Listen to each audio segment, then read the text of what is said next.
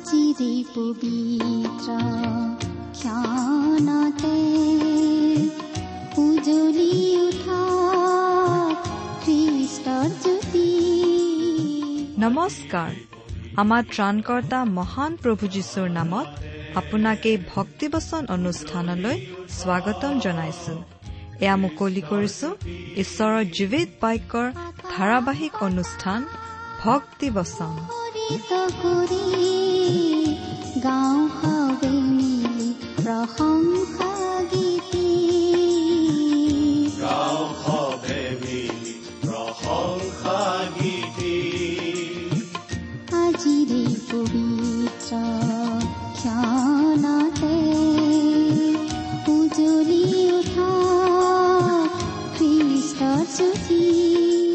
আপোনাৰ জীৱনত যদি শান্তি পাব বিচাৰে তেন্তে এয়া ঈশ্বৰৰ বাক্যৰ সান্তনা বাক্য ভক্তি বচন।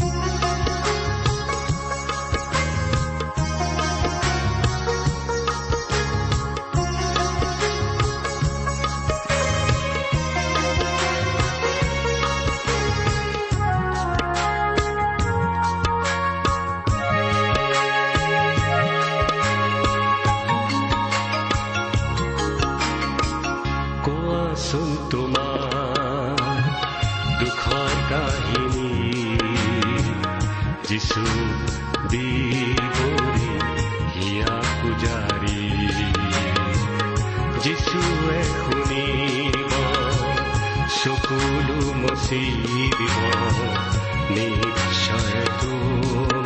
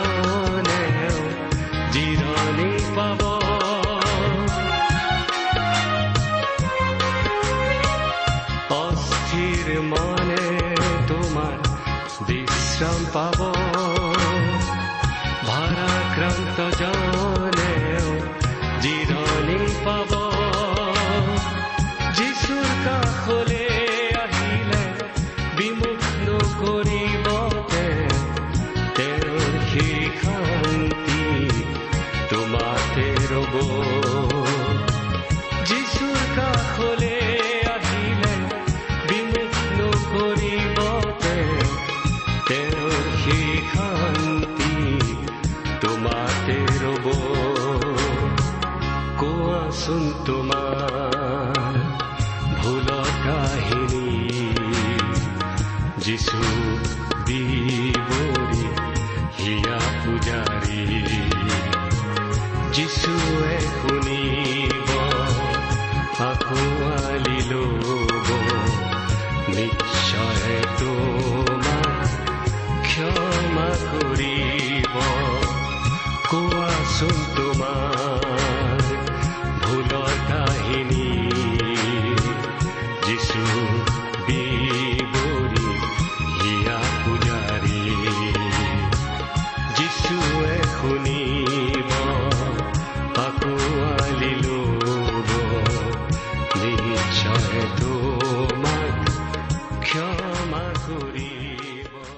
আমাৰ মহান ত্ৰাণকৰ্তা প্ৰভু যীশুখ্ৰীষ্টৰ নামত নমস্কাৰ প্ৰিয় শ্ৰোতা।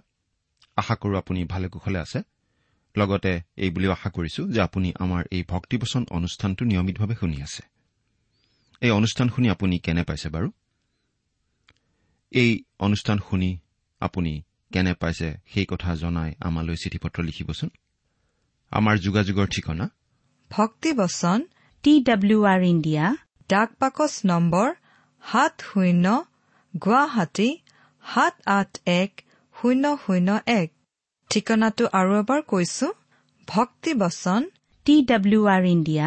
ডাক পাকচ নম্বৰ সাত শূন্য গুৱাহাটী সাত আঠ এক শূন্য শূন্য এক। আহকচোন আমাৰ অধ্যয়ন আৰম্ভ কৰাৰ আগতে খন্তেক প্ৰাৰ্থনাত মূৰ দুৱাওঁ। স্বৰ্গত থকা মহান পিতৃ ঈশ্বৰ তোমাৰ মহান নামৰ ধন্যবাদ কৰো। তুমি সৰ্বশক্তিমান সৰ্বব্যাপী সৰ্বজ্ঞানী ঈশ্বৰ। আমাক প্ৰেম কৰোতা ঈশ্বৰ। তুমি তোমাৰ একেজাত পুত্ৰ যীশুখ্ৰীষ্টক আমালৈ দান কৰি আমাৰ প্ৰতি থকা তোমাৰ প্ৰেমৰ প্ৰমাণ দিছা। এতিয়া তোমাৰ মহান বাক্য বাইবেল শাস্ত্ৰ অধ্যয়ন কৰিবলৈ ওলাইছো। তোমাৰ বাক্য তুমিয়েই আমাক বুজাই দিয়া। আমাৰ মৰমৰ শ্ৰোতাসকলক তুমি বিশেষভাৱে আশীৰ্বাদ কৰা।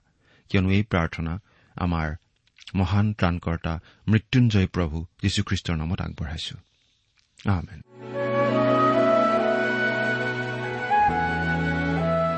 প্ৰিয় শ্ৰোতা আপুনি বাৰু আমাৰ এই ভক্তিবচন অনুষ্ঠানটো নিয়মিতভাৱে শুনি আছেনে?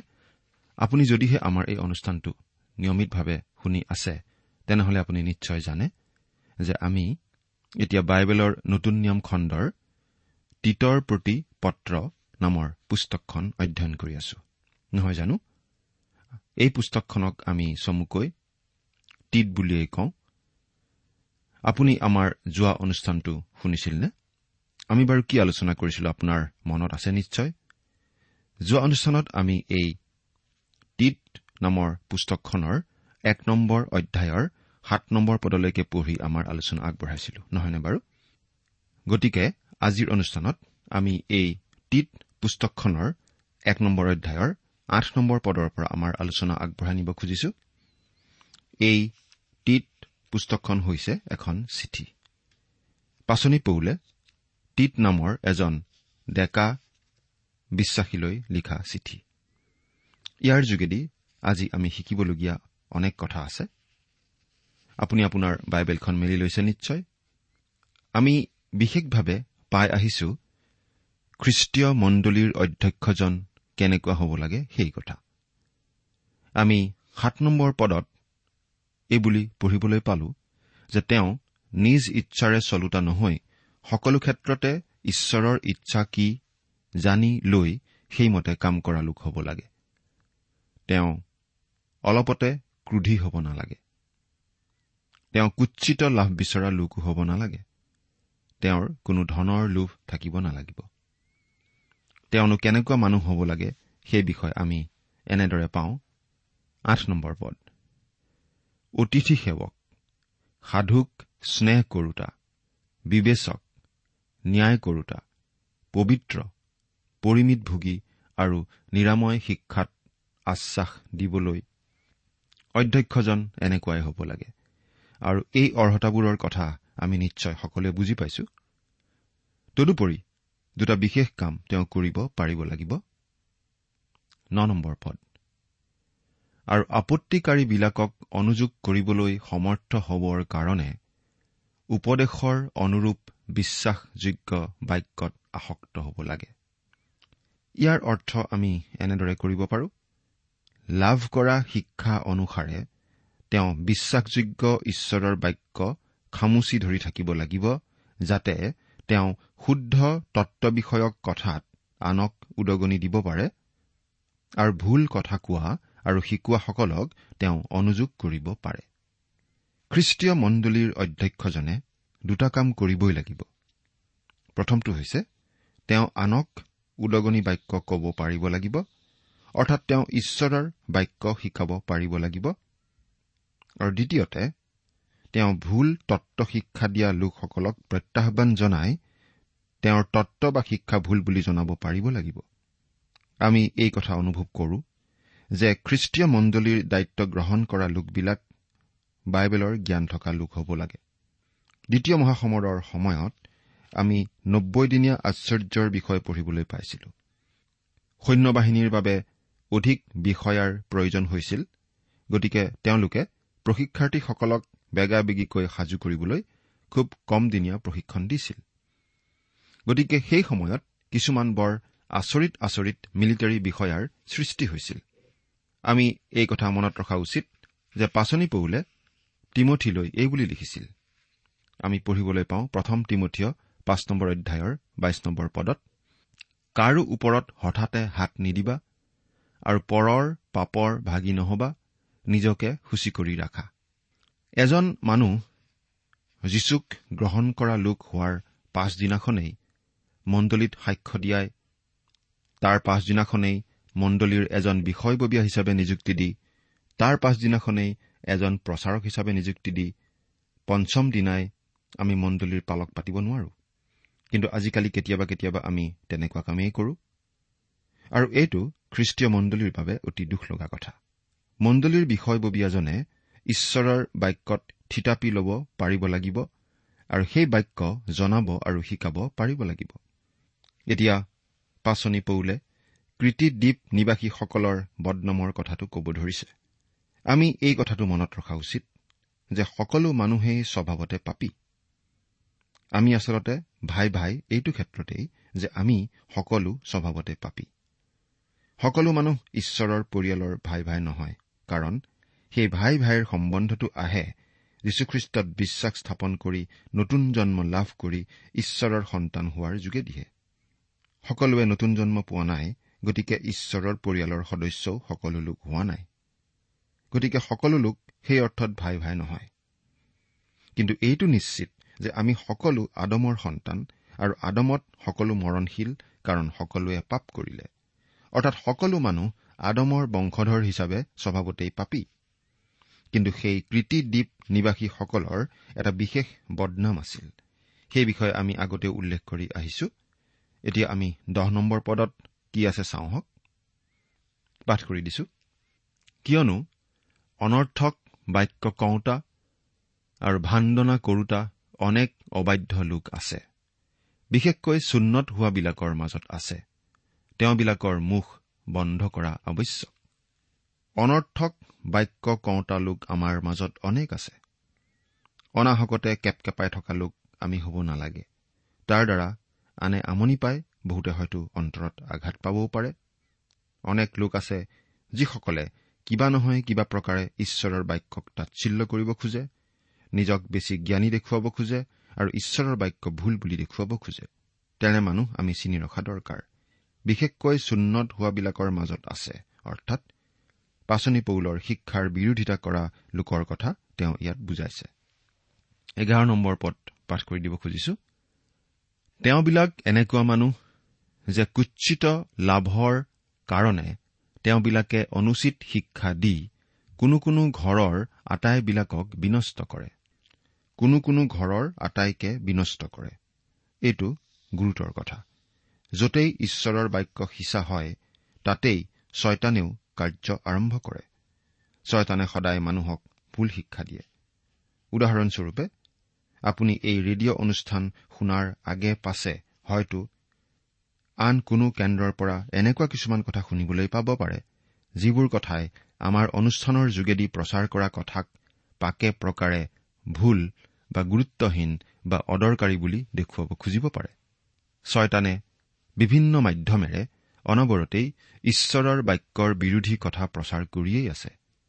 মানুহৰ মনত খেলি মেলি লগাই আছে মানুহক ভ্ৰান্ত কৰিয়েই আছে। কিন্তু ঈশ্বৰৰ বাক্য কেতিয়াও বিফলে যোৱা নাই কেতিয়াও নাযায়। বাৰ নম্বৰ পদ তেওঁবিলাকৰ এজন স্বদেশীয় ভাৱবাদীয়ে কৈছে কৃতিৰ মানুহবিলাক সদায় মিছলীয়া হিংসুক জন্তু আৰু এলেহুৱা ভাত ভাৰী হিংসুক জন্তু অৰ্থাৎ এই বুলি কোৱা হৈছে যে কৃতিদ্বীপৰ লোকবিলাক আছিল অতি নিষ্ঠুৰ আৰু হোতা প্ৰকৃতিৰ। এলেহুৱা ভাত ভাৰী খকুৱা আৰু অতি সুৰূপা।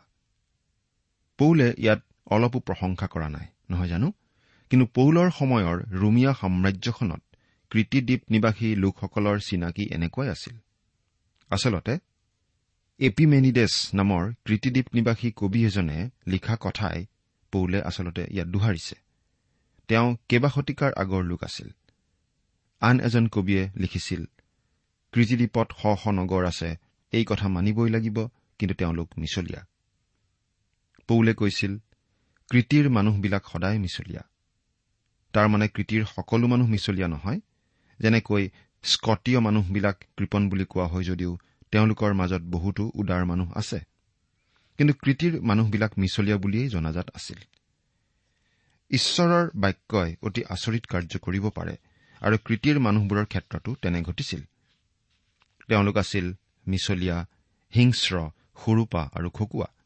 কিন্তু তেওঁলোকৰ মাজৰেই বহুতো লোকে খ্ৰীষ্টক গ্ৰহণ কৰিছিল আৰু তেওঁলোকৰ জীৱন সলনি হৈছিল। তেৰ নম্বৰ পদ। এই সাক্ষ্য সঁচা। এইকাৰণে তেওঁবিলাক যেন বিশ্বাসত নিৰাময় হয় আৰু জিহুদীয়া আখ্যানলৈ। পৌলে তিতক কৈছে আন মানুহৰ তুলনাত তেওঁ কৃতিৰ মানুহবোৰৰ ক্ষেত্ৰত অধিক কটকটীয়া হ'ব লাগিব কাৰণ কৃতিৰ মানুহবোৰৰ অতীত পটভূমি ভাল নহয় আৰু তেওঁলোকৰ স্বভাৱ আগতে বেয়া আছিল। আৰু সত্যৰ পৰা বিমুখ হোৱা মানুহবিলাকৰ আদেশলৈ যেন মন নিদিয়ে এইকাৰণে তুমি তেওঁবিলাকক কঠোৰ অনুযোগ কৰা। পাচনি পৌলে যিহুদী আখ্যানলৈ মন দিয়া নিদিয়াৰ কথাটো কওঁতে আচলতে কেৱল বিধানৰ অধীন হোৱা নোহোৱাৰ কথাটোকেই কোৱা নাই। মুচিৰ যোগেদি ঈশ্বৰে দিয়া বিধানৰ আলমত বহুতো লিখনিৰ জন্ম হৈছিল তালমুদ আৰু অন্যান্য লিখনি। অৱশ্যে যিহুদীসকলৰ এই লিখনিবোৰ আমি পঢ়া নাই কিন্তু আমি সেইবোৰৰ বিষয়ে কিছু কথা জানো তাত কিছুমান আকৰ্ষণীয় গল্প কথাও আছে। সত্যৰ পৰা বিমুখ হোৱা মানুহবিলাকৰ আদেশলৈ যেন মন নিদিয়ে। প্ৰভু যীশুৱে ঈশ্বৰৰ বিধানৰ লগত পৰম্পৰাগত কথা সানমিহলি কৰাৰ বাবে সেই সময়ৰ ধৰ্মীয় নেতাসকলক ককৰ্থনা কৰিছিল। আৰু পাচনি পৌলে ইয়াত ঠিক সেই কথাটোৱেই কৈছে। বিধানৰ ওপৰত অযথা গুৰুত্ব দিয়া কথাটো দুই ধৰণে ঘটিব পাৰে। প্ৰথমতে এনেকুৱা ভুল শিক্ষা দিব পাৰে যে মানুহে বিধি বিধান পালন কৰি পৰিত্ৰাণ পায়। আৰু দ্বিতীয়তে এনেকুৱা ভুল শিক্ষাও দিয়া হ'ব পাৰে যে মানুহে বিধান পালন কৰিহে জীয়াই থাকিব লাগে। এই দুয়োটা শিক্ষাই অতি ভয়ংকৰ। আমাক বাইবেলত বাৰে বাৰে স্পষ্টভাৱে জনাই দিয়া হৈছে যে আমি বিধানৰ যোগেদি নহয় কিন্তু ঈশ্বৰৰ অনুগ্ৰহতে পৰিত্ৰাণ পাওঁ আৰু আচলতে আমাক দহ আজ্ঞাতকৈ উচ্চ পৰ্যায়ৰ এটা জীৱন ধাৰণৰ বাবে আমন্ত্ৰণ জনোৱা হৈছে। ঈশ্বৰে সেই দহ আজ্ঞা দিছিল ইছৰাইল জাতিক। আৰু আমি ভাবো গোটেই মানৱ জাতিৰ আইন এনেকুৱা হলেই ভাল আছিল। যেতিয়া ঈশ্বৰে কৈছে তুমি নৰবধ নকৰিবা সেই আইন সকলো লোকৰ বাবেই। খ্ৰীষ্টীয় বিশ্বাসী বা আন লোক সকলোৰে বাবে এই আজ্ঞা একেই। কিন্তু যিসকল লোকে প্ৰভু যীশুত বিশ্বাস স্থাপন কৰি ঈশ্বৰৰ অনুগ্ৰহত পৰিত্ৰাণ লাভ কৰিছে তেওঁলোকক তাতকৈও অধিক উন্নত খাপৰ জীৱন যাপন কৰিবলৈ কোৱা হৈছে। পোন্ধৰ নম্বৰ পদ সূচীবিলাকলৈ সকলোৱেই সূচী। কিন্তু কলুষিতবিলাকলৈ আৰু বিশ্বাস নকৰাবিলাকলৈ একোৱেই সূচী নহয় বৰং তেওঁবিলাকৰ মন আৰু বিবেক এই উভয় কলুষিত। এইখিনি কথা পঢ়ি বহুতো মানুহে ভুলকৈ ভাবে যে যদি আমি ঈশ্বৰৰ অনুগ্ৰহত পৰিত্ৰাণ লাভ কৰিলো আমি কেনেদৰে জীৱন ধাৰণ কৰো সেইটো ডাঙৰ কথা নহয়। সেইটো আৰু প্ৰয়োজনীয় কথা নহয়। অৰ্থাৎ কিছুমান লোকে ভাবে যে যদি আমি পৰিত্ৰাণ লাভ কৰিলো তেনেহলে আমি পবিত্ৰ হলো আৰু আমি যেনে মন যায় তেনেধৰণৰ জীৱন ধাৰণ কৰিব পাৰো। কিছুমান ভুৱা মতবাদৰ লোকে এনেকুৱা শিক্ষা দিয়ে আৰু মানে। তেওঁলোকে কয় যে তেওঁলোকে পাপত চলি থাকিব পাৰে। অৱশ্যে তেওঁলোকে পাপক পাপ বুলি নকয় কাৰণ তেওঁলোকে ভাবে পবিত্ৰ লোকৰ বাবে সকলো বিষয় পবিত্ৰ। অৰ্থাৎ পৰিত্ৰাণ পোৱাৰ পাছত যি খুচি তেনেদৰে চলি থাকিব পাৰি। কিন্তু এই কথা ভুল। আচলতে পাচনি পৌলে ইয়াত নৈতিক বিষয়ৰ কথা কোৱা নাই। তেওঁ বিধি বিধান পালন কৰা আৰু মাংস খোৱাৰ বিষয়তহে এই কথাখিনি বিশেষভাৱে কৈছে। বিধি বিধানত গুৰুত্ব আৰোপ কৰা কিছুমান ভুৱা মতবাদৰ লোকে খোৱা বোৱাৰ ক্ষেত্ৰত অতি আচহুৱা তালিকাও প্ৰস্তুত কৰি দিয়ে। কিন্তু পাচনি পৌলে কৈছে সূচীবিলাকৰ বাবে সকলোৱেই সূচী অৰ্থাৎ আমি মাংস খাওঁ বা নাখাওঁ সেইটো একো ডাঙৰ কথা নহয় সেইটো একো গুৰুত্বপূৰ্ণ কথা নহয়। সকলো খাদ্যই সূচী যদি আপুনি সাপৰ মাংস খাব খোজে সেইটো আপোনাৰ কথা। আৰু যদি কোনোবাই তেনে মাংস হাতেৰেই নোচোৱে সেইটো তেওঁৰ কথা। আপোনাৰ যি খাই ভাল লাগে খাব পাৰে। সূচীবিলাকৰ কাৰণে সকলোৱেই সূচী আনহাতে আপুনি যিমান বিভিন্ন ধৰণৰ খাদ্য বনাই নাখাওক কিয় সেই কোনো ধৰণৰ খাদ্যই ঈশ্বৰৰ সৈতে আপোনাৰ সম্পৰ্কত প্ৰভাৱ নেপেলায়। কোনো ধৰণৰ খাদ্যই আমাক পৰিত্ৰাণ দিব নোৱাৰে। আপুনি বিচৰা সকলো ধৰণৰ শাক পাচলি আপুনি খাব পাৰে কিন্তু যদিহে ঈশ্বৰৰ সৈতে আপোনাৰ সম্বন্ধ ঠিক নহয় তেনেহলে তেনে খাদ্যই আপোনাক কেতিয়াও সূচী নকৰে। প্ৰভু যীশুৱে কোৱা আমি কথা এষাৰ এইখিনিতে চাব খুজিছো। মুঠিয়ে লিখা শুভবাৰ্তা পোন্ধৰ নম্বৰ অধ্যায়ৰ ওঠৰৰ পৰা বিশ নম্বৰ পদলৈকে পাঠ কৰিম চাবচোন। কিন্তু মুখৰ পৰা যিবোৰ ওলায় সেইবোৰ চিত্ৰৰ পৰাহে আহে আৰু সেইবোৰেই মানুহক অসুচী কৰে। কিয়নো চিত্তৰ পৰা কুচিন্তা নৰবধ পৰস্ত্ৰীগমন ব্যভিচাৰ চুৰি মিছা সাক্ষ্য নিন্দা এইবোৰ ওলায়। এইবোৰেহে মানুহক অসুচী কৰে। কিন্তু নোধোৱা হাতেৰে ভোজন কৰাই মানুহক অসুচী নকৰে। এতিয়া আমি ষোল্ল নম্বৰ পদটো পাঠ কৰি দিব খুজিছো। ঈশ্বৰক জানো বুলি তেওঁবিলাকে মুখেৰে স্বীকাৰ কৰে কিন্তু কাৰ্যেৰে অস্বীকাৰ কৰে। তেওঁবিলাক ঘীনলগীয়া আজ্ঞা নমনা আৰু সকলো সৎকৰ্মত অকামিলা। ঈশ্বৰক জানো বুলি তেওঁবিলাকে মুখেৰে স্বীকাৰ কৰে। কিন্তু কাৰ্যেৰে অস্বীকাৰ কৰে। প্ৰিয় শ্ৰোতা আজি বহুতো খ্ৰীষ্টীয় বিশ্বাসীয়ে তেওঁলোকৰ জীৱন ধাৰণৰ প্ৰণালীৰ দ্বাৰা তেওঁলোকৰ আচৰণৰ দ্বাৰা ঈশ্বৰক অমান্য কৰিব পাৰে আৰু বহুতে আচলতে কৰেও। তেওঁলোকে ঈশ্বৰৰ বাক্য অগ্ৰাহ্য কৰে। এজন বাইবেল শিক্ষকে এনেদৰে কৈছিল মই এনেকুৱা এজন মণ্ডলীৰ বিষয়াক জানো যিজনে অতি ডাঙৰ গধুৰ বাইবেল এখন কঢ়িয়াই ফুৰে। তেওঁ লগত লৈ ফুৰা সেই বাইবেলখনৰ নিচিনা ডাঙৰ বাইবেল মই আৰু কতো দেখা নাই। বাইবেলখন তেওঁ কঢ়িয়াই নিওঁতে এফালে হালি যাব লগা হয় কাৰণ বাইবেলখন বৰ গধুৰ। সকলো মানুহেই তেওঁক অতি ধাৰ্মিক বুলি ভাবিছিল। কিন্তু মণ্ডলীৰ বাহিৰত তেওঁৰ কোনো সদনাম নাছিল। বৰং অসাধু প্ৰকৃতিৰ লোক বুলিহে তেওঁ জনাজাত আছিল। প্ৰিয় শ্ৰোতা আমিও নিজক পৰীক্ষা কৰি চোৱা উচিত। আমি বাৰু কাৰ্যৰ দ্বাৰা ঈশ্বৰক অগ্ৰাহ্য কৰি আছো নেকি? তেওঁবিলাক ঘীনলগীয়া আজ্ঞা নমনা আৰু সকলো সৎকৰ্মত অকামিলা। বাহ্যিক ৰীতি নীতি আচাৰ ব্যৱহাৰ আদিয়ে মানুহৰ মন্দ হৃদয় সলনি কৰিব নোৱাৰে। কেৱল ঈশ্বৰৰ বাক্যইহে মানুহৰ হৃদয় সলনি কৰিব পাৰে। যেতিয়া মানুহৰ হৃদয় সলনি হয় তেতিয়া জীৱনৰ আচাৰ ব্যৱহাৰে সেই পৰিৱৰ্তনটো প্ৰকাশ কৰিবই। পাচনি পৌল আৰু জাকুবৰ মাজত আচলতে কেতিয়াও কোনো মতানৈক্য নাই। কাৰণ দুয়োজনেই কৈছিল কৰ্মবিহীন বিশ্বাস মৰা। পৰিত্ৰাণ দান কৰা বিশ্বাসে জীৱনত সৎকৰ্মৰ সৃষ্টি কৰিবই। এজন বিখ্যাত পণ্ডিতে কৈছিল অকল বিশ্বাসেই আমাক পৰিত্ৰাণ দিয়ে। কিন্তু পৰিত্ৰাণ দান কৰা বিশ্বাস অকলশৰীয়া নহয়। অৰ্থাৎ পৰিত্ৰাণ দান কৰা বিশ্বাসৰ লগত আমাৰ সৎকৰ্মও জড়িত হৈ থাকে। অৰ্থাৎ যদিহে আমি বিশ্বাস কৰিছো তাৰ প্ৰমাণ আমাৰ সৎকৰ্ম। এতিয়া আমি দুই নম্বৰ অধ্যায়ৰ পৰা অলপ চাব খুজিছো। এই অধ্যায়ৰ মূল কথা এইয়ে যে খ্ৰীষ্টীয় মণ্ডলীয়ে ঈশ্বৰৰ বাক্য শিকাব লাগে আৰু ঘোষণা কৰিব লাগে। খ্ৰীষ্টীয় মণ্ডলীয়ে শুদ্ধ তত্ত্ব শিকাব লাগে নহলে তেনে মণ্ডলী মণ্ডলীয়েই নহয়। এজন বিখ্যাত বাইবেল শিক্ষকে the spiritual fingerprints of the visible church বুলি লিখা পুস্তক এখনত এই বুলি লিখিছে যে পঞ্চাছদিনীয়া পৰ্বৰ দিনাখন যিমানবোৰ লোকে খ্ৰীষ্টত বিশ্বাস কৰি খ্ৰীষ্টীয় মণ্ডলীভুক্ত হৈছিল তেওঁলোকে এটা বিশেষ কাম কৰিছিল। সেই কামটো কি আছিল? আমি বাইবেলৰ পৰা চাওঁ। পাচনিৰ কৰ্ম দুই নম্বৰ অধ্যায়ৰ বিৰাল্লিছ নম্বৰ পদটো। আৰু তেওঁবিলাকে পাচনিবিলাকৰ উপদেশত সহভাগিতাত পিঠা ভঙাত আৰু প্ৰাৰ্থনাত লাগি থাকিল।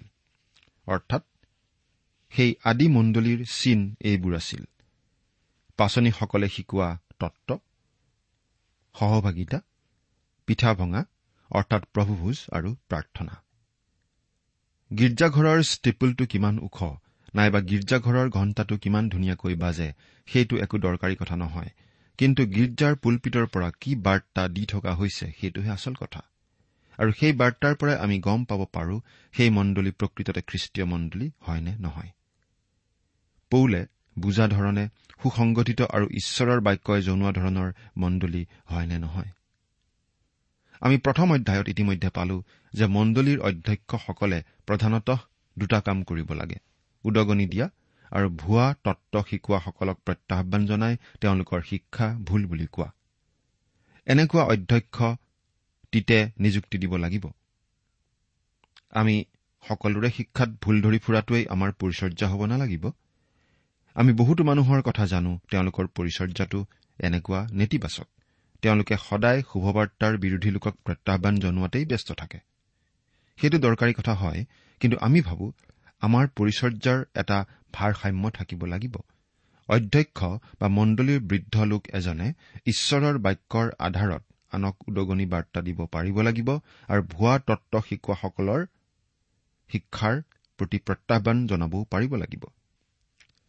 তীতৰ প্ৰতি এই পত্ৰখনৰ দ্বিতীয় অধ্যায়ত পাচনি পৌলে বিশেষ গুৰুত্ব আৰোপ কৰিছে ঈশ্বৰৰ বাক্য শিকোৱা বিষয়টোৰ ওপৰত। আমি দুই নম্বৰ অধ্যায়ৰ এক নম্বৰ পদটো পঢ়ি দিছো। কিন্তু তুমি নিৰাময় শিক্ষাৰ উপযুক্ত কথা কোৱা বৃদ্ধ লোকবিলাক যেন পৰিমিত ভোগী ধীৰ বিবেচক। নিৰাময় শিক্ষা মানে পাচনীসকলে শিকাই থৈ যোৱা কথা। আদিমণ্ডলীৰ সকলোতকৈ গুৰুত্বপূৰ্ণ বিষয়টো আছিল পাচনীসকলৰ দ্বাৰা শিকোৱা তত্ব অৱশ্যে এই পত্ৰখনৰ যোগেদি আমি যিখিনি কথা পঢ়ি আছো সেইখিনিও পাচনীসকলৰ শিক্ষাই। কাৰণ এইখিনি কথা পাচনি বৌলে লিখি আছে। প্ৰিয় শ্ৰোতা এই শিক্ষাই আপোনাৰ জীৱনত বাৰু কিবা প্ৰভাৱ পেলাইছেনে? চিন্তা কৰি চাওকচোন। ঈশ্বৰে আপোনাক আশীৰ্বাদ কৰক। আহমেদ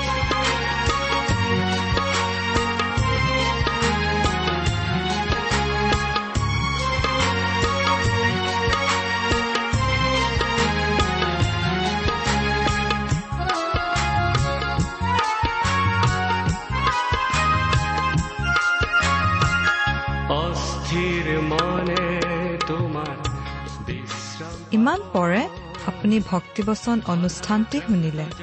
অনুষ্ঠানটি শুনি কেনে পালে আমালৈ চিঠি লিখি জনাবচোন? অনুষ্ঠানত প্ৰচাৰ কৰা কোনো কথা বুজিব লগা থাকিলেও আমালৈ লিখক। আমাৰ ঠিকনা ভক্তিবচন টি ডাব্লিউ আৰ ইণ্ডিয়া ডাক পাকচ নম্বৰ সাত শূন্য গুৱাহাটী সাত আঠ এক শূন্য শূন্য এক। ঠিকনাটো আৰু এবাৰ কৈছো ভক্তিবচন টি ডাব্লিউ আৰ ইণ্ডিয়া ডাক পাকচ নম্বৰ সাত শূন্য গুৱাহাটী সাত আঠ এক শূন্য শূন্য এক। আপুনি ইমেইল যোগেৰেও আমাৰ সৈতে যোগাযোগ কৰিব পাৰে। আমাৰ ইমেইল আইডিটো হৈছে Assamese T TV at radio' eight eight two dot com. আইডিটো আকৌ এবাৰ কৈছো। Assamese T TV at radio' eight eight two dot com. আপুনি টেলিফোনৰ মাধ্যমেৰেও আমাক যোগাযোগ কৰিব পাৰে। আমাৰ টেলিফোন নম্বৰটো হৈছে শূন্য তিনি ছয় এক দুই ছয় শূন্য চাৰি ছয় সাত এক। ফোন নম্বৰটো আকৌ এবাৰ কৈছো zero' three six one two six zero' four six seven one. আজিৰ অনুষ্ঠানটি ইমানতে সামৰিছো। ঈশ্বৰৰ শান্তি আৰু অনুগ্ৰহ আপোনাৰ লগত থাকক। ধন্যবাদ।